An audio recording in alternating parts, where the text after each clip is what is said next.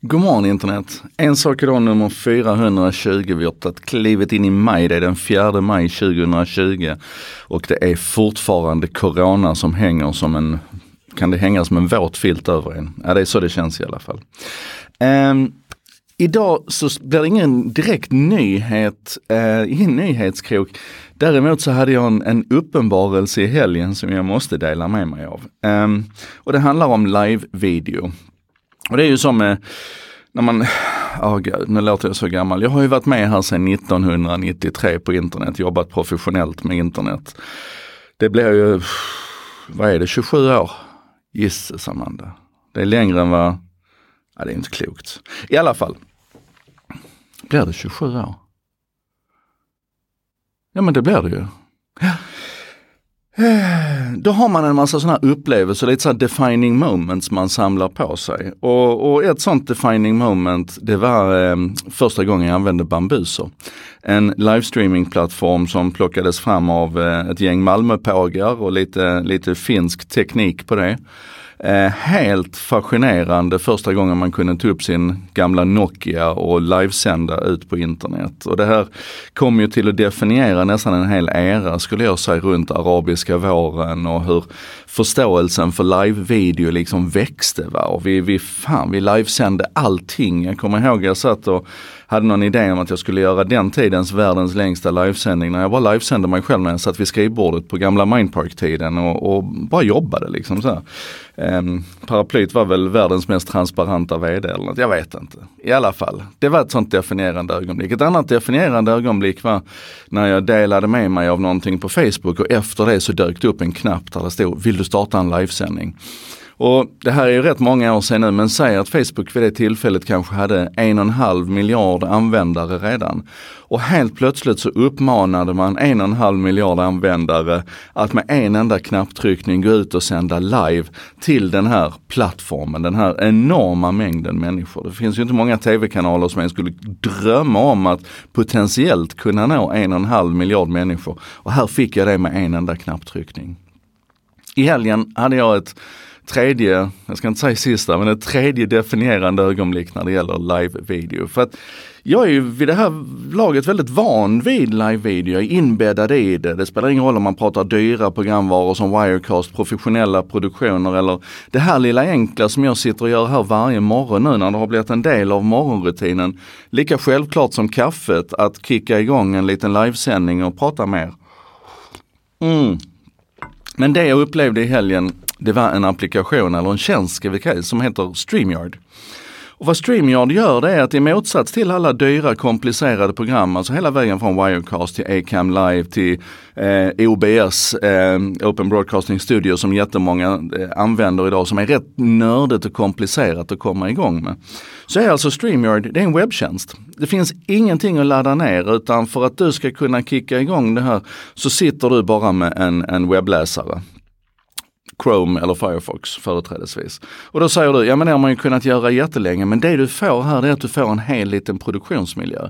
Och framförallt så får du möjligheten att otroligt enkelt bjuda in andra gäster som kan vara med i din livesändning och sen kan du sitta där och, och bildproducera det lite. Det är inte samma sak som det här Facebook och Instagram. Facebook har väl plockat bort det i och för sig men Instagram har väl fortfarande att du kan kicka igång en livesändning och så kan du bjuda in dina vänner och sådär. Och, och, det är good and fine så här, men det är fortfarande så att då krävs det att de har den applikationen, att de också har Instagram till exempel. Och, och det krävs att vad kör du i nu? Per-Olof frågar, förlåt, eh, jag blev lite distraherad här. Jag fick en, en bra fråga från Per-Olof. Det är inte ditt fel att jag blir distraherad Per-Olof. Förlåt, vad kör du i nu? Jag kör Icam live nu eh, och jag ska komma till varför jag gör det. Men i alla fall, eh, det, det, det, som är så fantastiskt med StreamYard det är att den kräver alltså, även på sändande sida så kräver den liksom ingenting mer än en mobiltelefon. Det kan vara, eh, och, och en webbläsare. Du behöver inga appar, du behöver inte installera någonting utan du kan bara köra. Och sen kan jag då som, som host host för det här, sitta och göra en enkel bildproduktion. Det är så blixtrande enkelt att komma igång och göra liksom overlays och tredjedelar och du får automatiskt liksom namnskyltar på folk. Du kan göra det som jag gjorde här nu med Per-Olofs kommentar, att du kan lyfta in kommentarerna och så vidare. Och allting är liksom, det är så snyggt och enkelt paketerat så att vem som helst kan klara av det. Men det som nästan är ännu mer fascinerande det är att de redan från början har tagit höjd för alla, jag ska inte säga alla, men att det finns många streamingplattformar där ute.